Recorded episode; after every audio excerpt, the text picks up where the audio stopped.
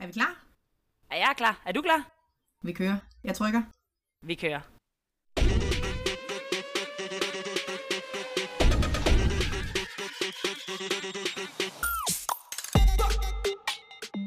Hej og velkommen til Lev Kvinde. Vi har glædet os til at være i dine ører igen. Jeg er Nana Terkelsen, og jeg kigger på smukke Pernille Lykke. Jeg er med dig. Jeg er lige her med dig. Ja, det er mig. Det er mig, der er den smukke. Og vi skal i dag øh, tale om psykologisering i vores kære samfund, fordi øh, vi er blevet optaget af. Faktisk på bagkant af et netværksmøde, jeg havde for et par uger siden, som satte lidt tanker i gang omkring. Jeg fik blev spurgt sådan øh, af en, der arbejder med kommunikation. Hvad er det for noget med det der med, at alle fejler noget, og alle har en diagnose? Ikke sådan en udredt diagnose, men sådan de er ikke længere nervøse, de er angste, de er ikke længere presset, de er stresset, de er ikke længere triste, de er deprimerede. Hvad, hvad handler det om, kære psykolog? Og det satte lidt tanker i gang, og vi har talt lidt i krogene og tænkt, det er faktisk øh, nok noget, flere og flere oplever, som kunne være interessant at øh, få en dialog om. Så det er dagens tema. Velkommen til.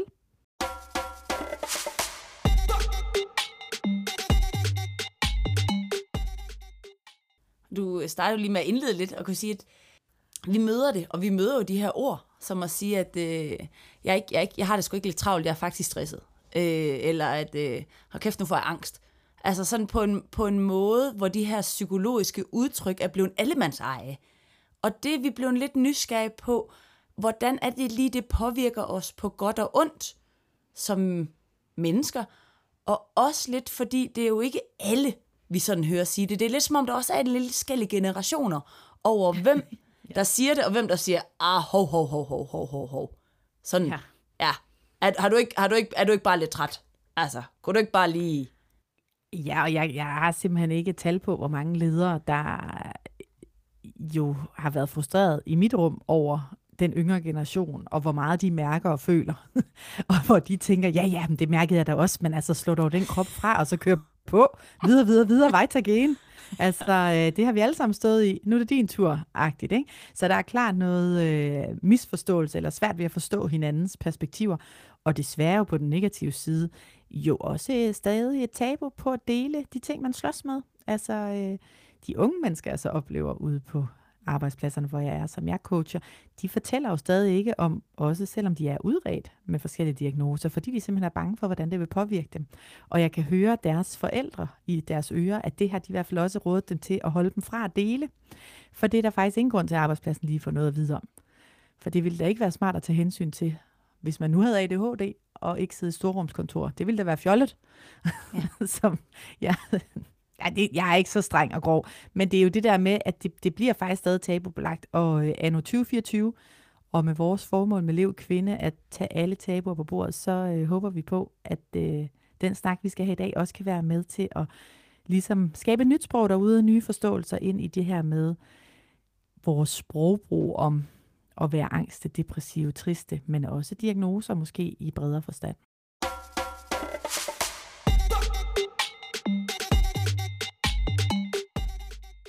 Fordi det, vi glæder os til, vi glæder os hver gang til at lave podcast.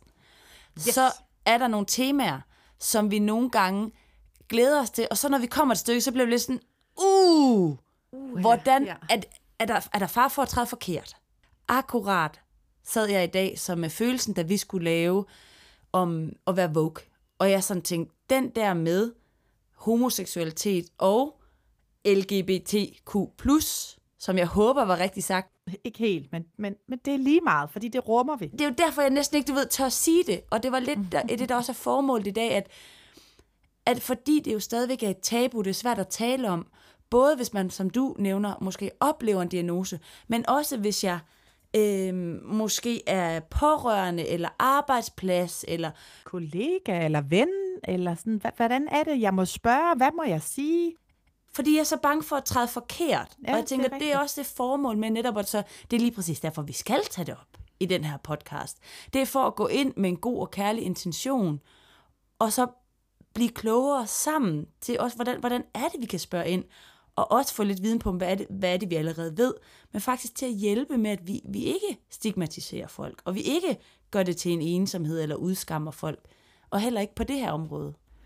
Og, og når du siger, at, at, at vi kan være bange for dem, hvad, hvad kan vi træde ned i, eller hvad kan vi sige forkert, så er det jo fordi, der er, at der ikke er nogen af os to, der ønsker hverken at øh, slå os på og øh, få det til at lyde som om, at diagnoser, det, hvad er det for noget? For sådan er der ikke nogen af os, der har det. Nej. Der er heller ikke nogen af os, der øh, ikke ønsker at ligesom anerkende de følelser, der kan ligge bag, også selvom man ikke er udredt. Altså, så det er jo sådan hele den der balance af, at hvis du har fået en diagnose, hvis du har fået en generaliseret angstdiagnose, så kan det måske være sådan lidt på den ene side, at alle går og siger, at de har angst. Jamen, jeg havde også lidt angst i weekenden. Og sådan, nej, så har du faktisk ikke prøvet at have generaliseret angst, altså hvor du har været udredt, og hvor du over seks måneder har oplevet øh, så så meget. Altså sådan den der, man kan måske godt føle en form for negligering, når vi sådan tager sproget, altså det psykologiske sprog, sådan til os til vores dagligdag, når man så slås med nogle ting markant, fordi nogen oplever det i en mindre grad. Det tager jo ikke følelsen fra den, der så oplever det i en mindre grad, som ikke er blevet udredt, fordi de har jo faktisk oplevet angst. Øhm, og har haft angstfølelsen, og det har været ubehageligt, og haft et angstanfald, også selvom de ikke har fået en angstdiagnose. Så det er jo hele tiden den der balance af, øhm, når man hører sig selv sige, og så gik der også lige lidt OCD i den, fordi at øh, så skulle jeg lige have styr på X, Y og Z, hvor man sådan tænker, nej, altså jeg lider sådan set ikke af OCD-diagnosen, det, det, det, det ved jeg godt, og det kan negligere dem, der gør og lever med noget, der er så svært. Ikke? Altså, så det er jo hele tiden den der balance mellem på den ene hånd at anerkende, at det er virkelig noget, man slås med, og der er sindssygt mange, der får meget ud af at få en diagnose for at forstå sig selv og sin måde at stå i verden på, og være i verden på, og kunne hjælpe sig selv fremadrettet, samtidig med at flere og flere bruger det her diagnostiserende sprogbrug for helt, altså egentlig almen menneskelige følelser. Og interessen i, at det netop bliver brugt. Altså det er også derfor, vi sådan tænker, at, at bo, altså, i flæng, hvor de her intentioner, det, helt 100, det går folk ikke rundt med, med de intentioner, men vi siger det, andre folk siger, altså det bliver norm. Og det, det bliver ret interessant sådan at, at opleve, hvordan det her med, nu ser vi de, de, de yngre, har et andet sprog, og en, måske også et større spekter af sprog, også for sine følelser, et større ordforråd, mm. men også at kunne udtrykke det, og måske også have tur og udtrykke det. Ja, fordi der er jo noget med også sådan, ikke at dømme folk til, at de unge er også så sarte, eller øh, altså sådan, de kan heller ikke holde til presset, eller der, der, der er sådan en eller anden også fordømning i det, fordi der ikke er forståelse, så er det nemmere at dømme. Ja. Så hvordan kunne vi i stedet for blive nysgerrige på, hvordan det sprog er kommet, eller hvad det er, de oplever, når du siger, at du fik et angstanfald i weekenden. Ture spørge, hvordan er det for dig at opleve et angstanfald? Hvad betyder det for dig? Fordi det er så individuelt, hvad det betyder, og hvordan angst opleves for os er forskelligt. Så det der med at ture faktisk at spørge ind til det. Så hvis nogen øh, oplever, de er deprimeret, eller ligefrem også har fået videre lægen, at de faktisk scorer ud for en moderat depression, eller lignende, at man tør spørge, hvordan påvirker din depression dig? Altså, hvad er det for nogle ting? Hvad er det, den forhindrer dig i? Eller hvad, hvad, hvor har den fat i dig? Og endnu vigtigere, at vi også kommer hen til, hvorfor tror du, at depressionen har fået fat i dig? Hvad er det, der har ligget til grund for, at den ligesom har besøgt dig? Ikke? Altså, det er nogle af de der ting, hvor vi godt kunne tænke os at inspirere lidt til at ikke være så berøringsangste. Ja. Og faktisk turde spørge ind til. Hvis nogen har fået øh, øh, medicin, lykkepiller, øh, antidepressiver fra deres læge, sådan spørg ind til dem, hvad, hvordan, hvordan virker de for dig? Hvad mærker du af effekt? Er der nogen øh, bivirkninger? Hvad havde du af tanker om at skulle tage dem? Er det fedt? Er, det, er du bekymret? Er du, altså, at det ikke bliver sådan, at det skal den enkelte, og det er sådan vores store anke, det bliver meget individualiseret. At det er den enkeltes problem på en eller anden måde. Og enormt interessant, at vi kan se det som den enkeltes problem, når, når det jo er så stort, som det er, at vi kan ende med at være ensomme i noget, som er så mangfoldigt, at det bliver jo lidt paradoxalt, fordi vores, vores ønske ved at måske undgå, er jo ikke at komme til at gøre dem kede af det. Og så giver det jo nogle gange den egentlig modsatte effekt af, at vi begynder at undgå. Så sådan en undgåelsesadfærd gør jo endnu mere, at jeg føler mig lidt, okay, folk spørger ikke, det samme, hvis der er sådan noget sorg, eller sådan noget, det med, at alle de pludselig tør ikke kigge på dig, eller snakke med Nej. dig. Og det reagerer folk mere på at sige, gud, nu blev jeg der først, fik jeg da først en oplevelse af. At være alene. Ja, med, med det her. Mm. Og hvis man bare skal forstå lidt, altså, hvor meget det er. Vi har et hver tiende, siger man ligesom hver tiende dansker, har en, en psykisk diagnose, og det er ligesom 580.000 danskere. Og så bliver det sådan, øj, Ja, det er helt vildt. det, det er alligevel 580.000 Ja. danskere. Tallene ligesom er også på, at det er hver tredje, som får en psykiatrisk diagnose i løbet af livet. Det, det er os alle sammen, Altså hver tredje, sagde du lige det? og det er inden fra øh, det danske patienter.dk. Nej, hvor er det vanvittigt. Man har lige nu, at hver syvende unge har det, altså det er så op til 17 år, eller til at melde med øh, 17 år. Der er det 15 procent, og det svarer jo til, til, til hver syvende. Men det må så også være stress, tænker jeg.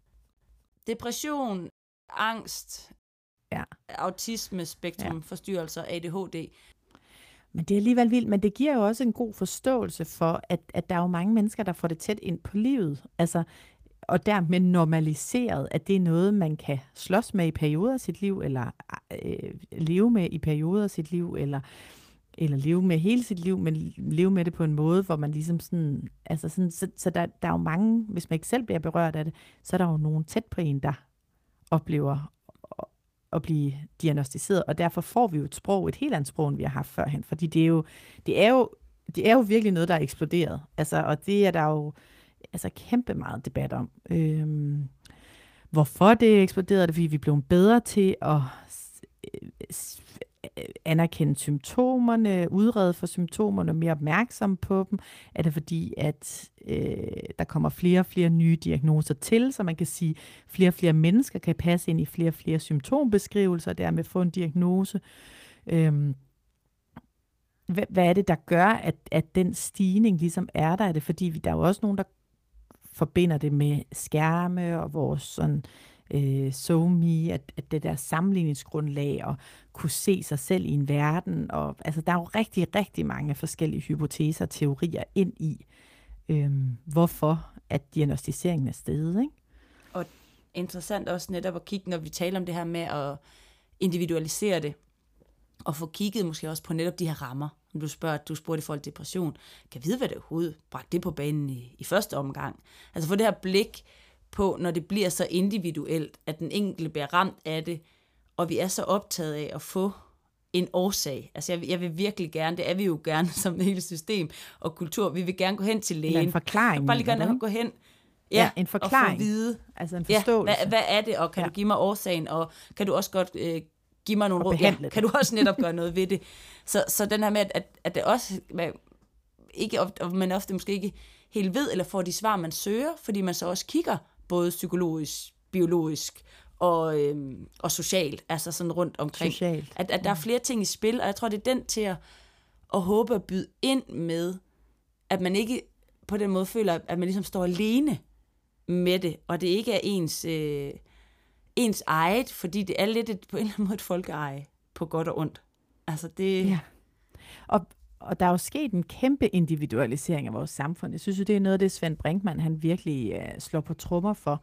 Det er jo, at, at hele vores samfund er jo blevet sindssygt individualiseret, og det er jo blandt andet psykologiens skyld. Altså, det er jo sådan lidt øh, hønen eller ægget. Hvad kom først, ikke? Altså, der begyndte at være et individualiseret syn på mennesker i vores samfund. Jamen, Så blev psykologien pludselig interessant, fordi den kunne forstå det individ, der nu var blevet så interessant. Og, og ved at så forstå det individ, så blev det endnu mere interessant. Og når det individ, når det, det handler om i vores samfund, er øh, sin egen lykke smed og klare sig godt, og øh, selvudvikling, og du skal nå dit maksimale, og du skal performe, og du skal præstere, og du skal drikke grøn juice, og du skal det hele, jamen så når du ikke kan leve op til alt det, jamen, så bliver det også individets problem. Og så kan du bagefter gå hen til psykologen eller coachen og få fikset det problem i et, i et individ fokus, fordi der er en samtale dig og psykologen, og så er der heldigvis jo rigtig mange metoder, og vi arbejder jo også benhårdt på dem. Hvordan kan man få øh, bredt det ud, sådan at man for eksempel bruger øh, bevidning som en del af sin metode, når man taler med mennesker, eller får folk til at tale med dem i deres netværk, eller laver øh, rollespil for at invitere dem ind i rummet fiktivt. Og, altså fordi man jo godt ved, at det er jo ikke kun et individproblem. Altså så, så, så det, det blev individualiseret så meget, at det er den enkeltes ansvar også at få det bedre, men måske var det endnu bedre, hvis vi ligesom fik fikset, at vi levede i en verden, der var tilpasset individet, så vi ikke blev syge af det. Ikke? Altså det, det, det er jo det, der er hele anken. Altså, der er jo flere og flere, der bliver dårligere og ikke kan holde til at leve det liv, vi lever i det her liv, med det her, i det her samfund, med det her individuelle fokus på at skulle præstere, præstere, præstere. Hvordan kan vi få tilpasset det, så færre får nogle af de her symptomer? Altså, det er jo også en måde at angribe det på. Det er jo bare mega svært, fordi det er jo...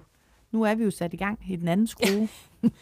Og det, altså, der, det er selvfølgelig også at save grenen af mit eget arbejde. Men altså, det er jeg villig til for Sørensen. det er jo det fine ved det.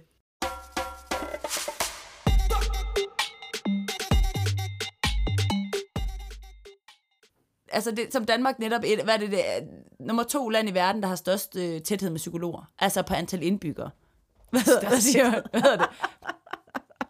Flest psykologer per Flest indbygger. psykologer per indbygger. Altså det er sådan, at det er sådan, der er rigtig mange psykologer i forhold til indbyggerantal. Vi er rigtig mange. Og behovet stiger. Ja, ja, ja, og der er ikke nok psykologer. Altså, det, det, der er jo ekstrem efterspørgsel på det, og der er alt for få unge, der har adgang, og er jo en masse debat ind i psykologfora om, at regeringen snart, der er gratis psykologhjælp øh, til unge med angst i den og den aldersgruppe. Jo, jo, men altså, der, den er sat så lavt, at, at alle tider er taget den 17. januar. Ikke? Altså, så er der ikke mere gratis. Men jo, jo, der var, der var gratis til den 17. januar. altså, så, så, ja. altså, sådan, det er jo fint nok. Jeg hørte et eller andet sted sådan, Nå, men øh, vi har gratis burger, vi har bare kun to. Men altså, det er det. gratis. Så det er super. Good luck. Så det kan man godt lige være lidt kritisk for derude, vil jeg sige, når der bliver sagt gratis psykologhjælp. det er jo stadigvæk... Jeg går til en psykolog alene i et rum. Det er et trygt rum, men det er meget psykolog. Så går jeg ja. hjem alene. Ensomheden omkring det, tabuet omkring det, er stadigvæk kun mig og min psykolog.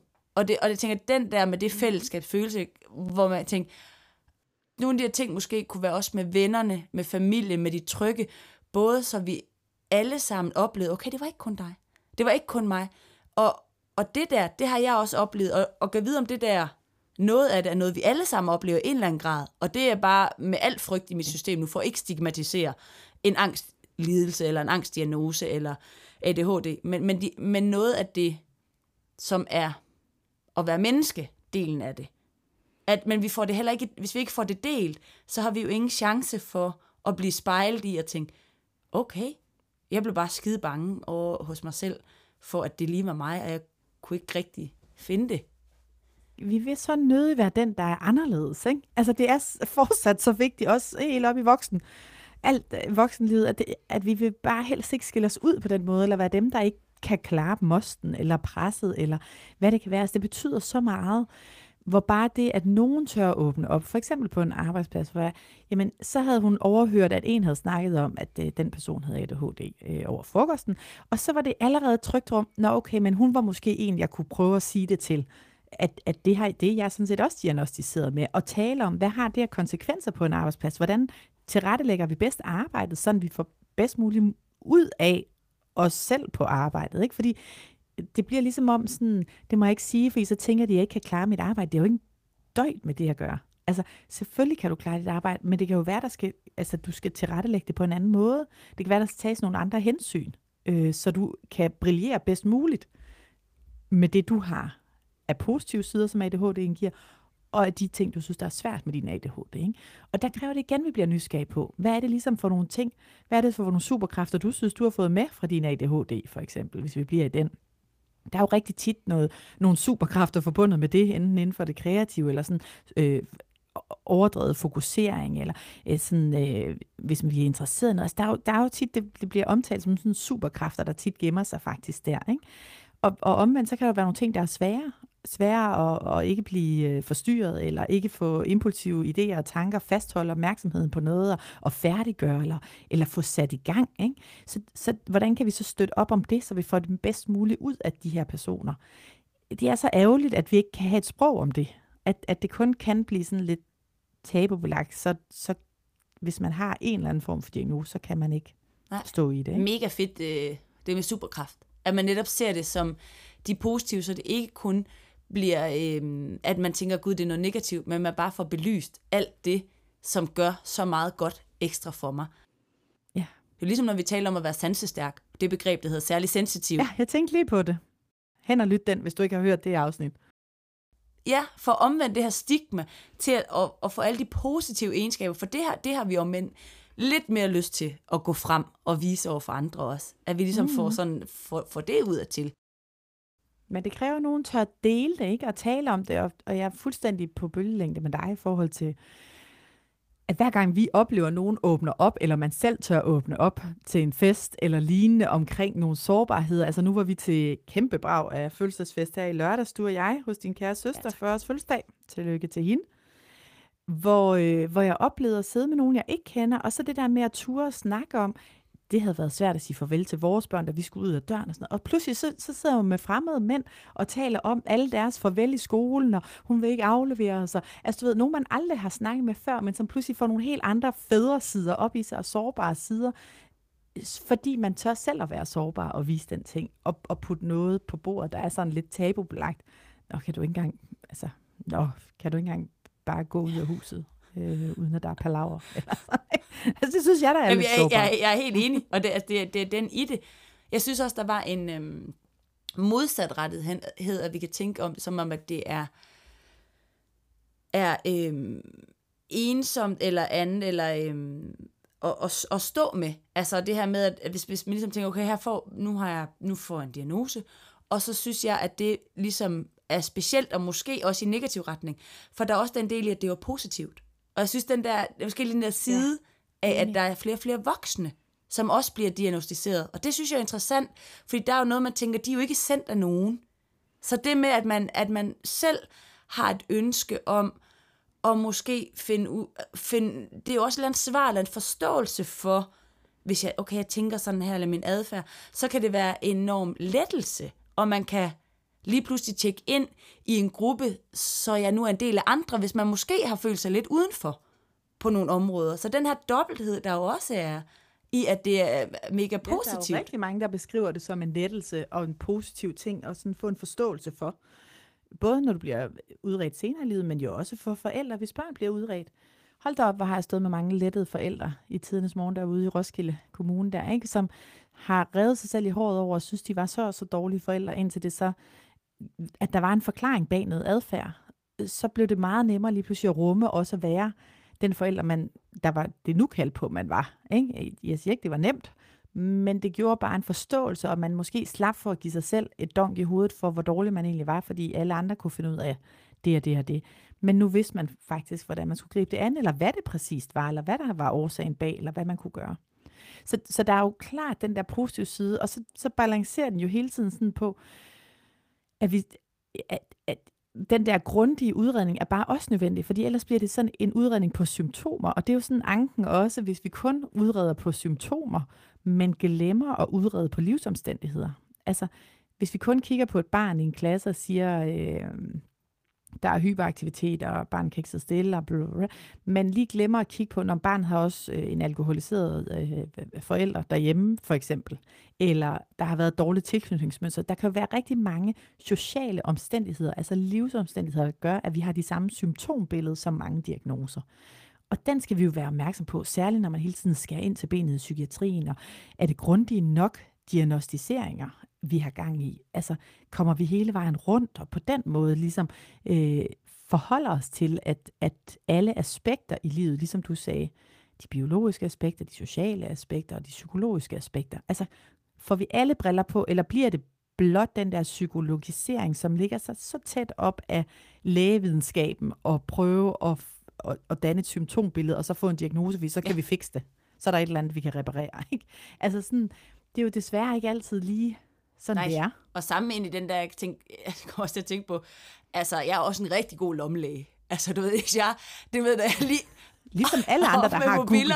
og se, om det her kan passe. Og jeg kan love dig for, at jeg kan tjekke af på nogle lister. Så længe jeg bare spørger på den rigtige ja. måde, så kan altså, så, så lidt uanset, hvad jeg gerne vil finde, ja, søg, søg og du skal finde, altså, så, så er nettet der lige, og det, øh, det tror jeg, der er flere, der også måske kan opleve det med, at vi, vi får også, øh, hvis vi selv bliver vores egen lommelæger, så får vi også de svar, vi gerne vil. Og det, jeg tror, det er derfor, den der måske øhm, lille smule skepsis til tingenes gang er, er måske fint at beholde, uden at det skal blive sådan, at det må jeg for guds skyld ikke, eller... Ja, eller kritiske. Altså bare sådan forholde sig kritisk. Er vi egentlig, er vi grundige nok nogle gange, ikke? Altså er det, er, er det egentlig det, der bliver gjort? Men det er jo også det, der selvfølgelig, altså det, det er jo hele tiden den der sådan tosidige sag, for det er jo også den tendens af, at alle lige pludselig er lommepsykologer, alle lige pludselig er lommelæger, og sådan, altså bare kan søge sig frem til alt muligt, der gør, at, at, at uh, diagnoserne også kan føles udvandet for nogen sådan, nå ja, men alle har jo bare øh, angst i dag, eller et eller andet. Ikke? Sådan, altså, det tror jeg ikke, hvis du mødte en person, altså, der lider angst, at du sådan bare vil sige, for det er jo benhårdt ja. at stå med. Ikke? Altså, det er jo vanvittigt hårdt at være i. Det føles jo som om, du er ved at dø. Ikke? Altså, sådan, så, så det er jo sådan en stor negligering, og det er jo den risiko, der er, når det sådan bliver normaliseret på det her måde, og sådan, hvor, hvor, hvor sproget ligesom kommer til at bare blive sådan almen gældende for alle. Ja, jeg synes godt nok, det er, det er en svær, interessant ja. snak, ikke? Og jeg synes også, den er endnu sværere, fordi man kan godt mærke, du ved, sådan løsningsmæssigt kan man sidde, ej, det gad jeg da godt, at vi prægede i en anden retning. Og så er der måske den del af, at, at det er de diagnoser, der udløser hjælpen. Altså, det, det, er, det er måske ja. der, der gør, at vi får en ekstra ressource i klassen. Det er der, der gør, der en, der møder tidligere i skole. Altså det, det, det er der, man som voksen oplever, at du kan få en læreklasse. Altså alle de hjælpe, øhm, så sige, hjælpepakker, men alle de ting jeg har lidt sådan, bliver udløst, når, når jeg kan vise ja. diagnosen, og ikke, børn. Mm. ikke før. Så jeg kan også godt måske føle, at man kan blive rigtig glad og lettet og tryg over, nu kan jeg endelig måske få noget hjælp til mig, eller mine børn, eller en pårørende. Altså, hvis det er det, man står og, og mangler. Men det er jo også helt på hovedet, ikke? Altså det er jo der, hvor, hvor vi mister fuldstændig, hvad det altså at se det enkelte menneske og dets behov, uanset, kan man sige, om der er foregået en diagnostisering eller ej, og så møde det menneskes behov, øh, give de ressourcer, der skal til, til det menneske kan trives, uanset om der er en diagnose bag eller ej. Ikke? Det, og det er jo super ærgerligt, at, at et, et velfærdssamfund på den måde er bygget op, at det udløser det kræver en udredning, før vi kan udløse nogle øh, ting, og før vi kan sætte gang i nogle paragrafundersøgelser, før vi kan alle mulige halvøjse ting. Ikke? Det er jo super trist. Altså, jeg synes virkelig, det er en forlidt erklæring. Ja, og så, og så kan man bare sige, så er det, er det også det, jeg synes, vi hører, når vi sidder med folk eller forældre eller mange. Altså, det, det er et faktum. Altså, det, det, er, det er først der, man får hjælp, ja. og det er også måden, der måske bliver, hvis, hvis sproget bliver mere akademisk, psykologiseret, fordi vi kan se, at det har en effekt, hvis vi skriver i de termer. Hvis vi taler i de termer. Så sker der noget andet og noget mere. At, at så, så, så når vi ja. oplever jo ligesom den øh, tilbagevirkning. Og det er jo også det er jo den der onde spiral, ikke? for det er jo også, når vi oplever, at, at folk får hjælp hos en psykolog eller en coach i et individuelt rum, så sender man jo også nogen derhen, og så samtidig så bliver det deres individuelle problem. Altså, så det bliver jo sådan en, en spiral uden ende. Altså, fordi det ligesom også bliver selvoprendt. Og, og jeg kan ikke lade være altid at tænke på, i Asien og sådan noget. Altså, der er jo ikke sådan den praksis, hvor man går hen og taler på samme måde med en psykolog. Vel? Altså, så det er jo kulturelt også. Det er jo noget, vi i Vesten har besluttet, at det er den her måde, vi håndterer, hvordan vi mennesker er på. Jamen, tænker du lige umiddelbart, at de har det meget bedre i Asien, sådan mentalt? Fordi det må jeg nok sige, der kan jeg godt lige være generaliseret, men det tænker jeg måske ikke lige.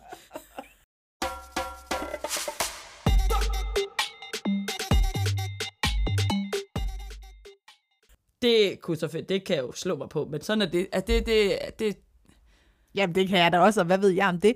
Nej, det er jo bare interessant. Der er jo alligevel nogle steder også, vi har jo tidligere snakket om Ikigai, det der med, hvor, hvor der bare er bygget op på en anden måde, hvor samfundet, hvor du har en rolle i samfundet, hvor du er en del af noget, altså hvor der er en helt anden måde at leve livet på. Der tror jeg faktisk, de psykisk har det bedre. Det, det, så der er, jo, der er jo nogle andre måder at stå i verden på, end vi gør. Ja, jeg, jeg er slet ikke uenig. Men det kan Ej, vi jo ikke bruge til noget. Jeg er slet ikke nej, nej, Nu har vi også helgarderet så vi har sagt, der kan være dem, der kan også være det. Så ja. der var, der var øh, der er to citater, som jeg sådan synes i den her, jeg synes har været ret, ret lækre. Øhm, så jeg tænkte, den synes jeg lige skal have med herfra. Og den ene, det var Lotte Vag, som er speciallæge i almemedicin. Og hun havde et, øh, eller en restperson, er bare en person, vi ikke har undersøgt nok endnu. Og jeg kunne godt, du ved, jeg godt lidt lide for noget at tænke sådan, ja, ja, kan vide, altså... Ja, ja kan det kan finde lidt. og så var der sådan en, jeg synes måske tager os hen i forhold til, øhm, til det her med den narrative tilgang, som jeg ved, du også er fortaler for. Altså, hvad, hvad er min egen fortælling om mig? Og der var der øh, Pernille Darling Rasmussen, speciallæge i børne- og ungdomspsykiatri, som har øh, udtalt på et tidspunkt til information, at omkring diagnoser, det er et redskab, ikke en identitet. Og så tænker jeg sådan, Ja. og ja, det gad jeg da godt, at det bare var. Det er lige præcis Men altså, det der. Men det er det, og det er det, altså, og det er så vigtigt, øh, fordi det er jo det, hvilket nej, altså, og det er jo også derfor, jeg bevidst siger, så når depression Ja. ja. ramte dig, hvilken effekt har det haft på dig? Fordi du er stadig dig, og så har du en depression, der har ramt dig. Eller øh, din autisme, hvordan kommer den til udtryk hos dig? Altså, din ADHD, hvordan spiller den et pus positivt og negativt? Så vi stadig har fat i, at personen er personen, og så kan vi blive ramt af ting. Og det er sådan set uanset, om det er en, en reel diagnostisering, eller om det er noget, vi taler om, jeg bliver ramt af angsten, og hvordan føles det for dig, når angsten tager, har et fat i dig. Ikke? Så det der med at få det eksternaliseret, som vi har talt om i, i nogle tidligere afsnit, jeg tror blandt andet det om følelser, øhm, er simpelthen så vigtigt, og, og også huske på, at det er alment menneskeligt at føle smerte, angst, sorg, øh, tristhed, øh, altså nervøsitet, ængstelse. Altså det her med, at vi også husker, at livet er også fuld af svære følelser. Og vores skammekrog, som vi prøver at køre ind som skriftestol hver søndag. Tak fordi I svarer ind i den. Øh, men der kommer et rum der hver søndag, man lige kan få lettet sin skam. Det må I meget gerne øh, dele ind. Men skam er jo også en naturlig følelse, som vi heller ikke kan lide at stå med. Så det der med sådan at, og også huske på, at det er helt almindeligt menneskeligt, det, øh, det er altså også Ja. ja. virkelig vigtigt. og ønske om, at vi holder den her kerne som mennesker. Så vi er, vi er ikke bare den følelse. Der er ingen af os, der bare er den diagnose. Der er ikke den for at opretholde også det her selvværd. Og det, det synes jeg er en rigtig fin en at, sende afsted på, hvis, det, hvis I er derude, og I har diagnoser, eller børn med diagnoser, eller andre måder. Kig på de her superkræfter, som også er, og så øh, sæt de her positive øh, fortællinger på også øh, om mænd, at, at øh, vi er med på det. Ja. benhårdt, alt efter det. og turde dele de ting, der kan være svært i det. Men mest af alt turde have snakkene, måske også turde udfordre nogen, bare kaster og slynger sig med, med diagnosesnakken og siger, hov, hvad, hvad betyder det, når du siger det? Øh, er det sådan, og hvad ligger der i det? Og så vi prøver at forstå hinanden lidt bedre. Det vil vi kæmpe opfordring herfra. Ja, og nysgerrighed altså er vel også nøgleordet her. Ja, yeah. Og man må egentlig gerne være lidt ekstra, måske hvis du ikke er det, så spil lidt ekstra dum, og bare være nysgerrig og spørgende, fordi det bliver ofte så rigtig godt imod. Man kan godt mærke en interesse, hvis du ikke kommer for at skulle holde foredrag, men bare være sådan interesseret i den person, og hvordan de oplever det, eller snakken på kontoret, eller... Ja, det, det vil vi gerne bidrage med. det vil vi gerne.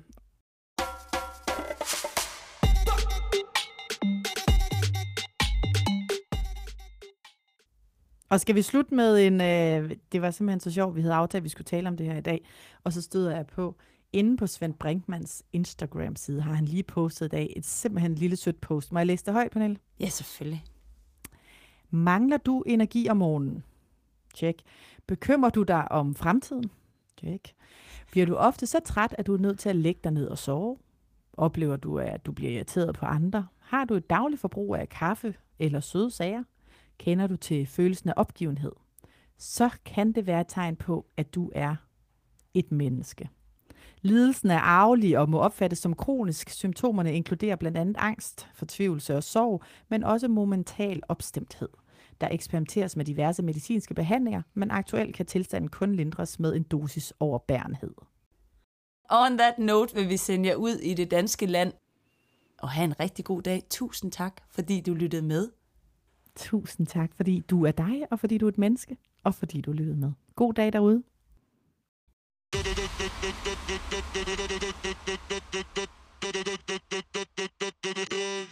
Yeah.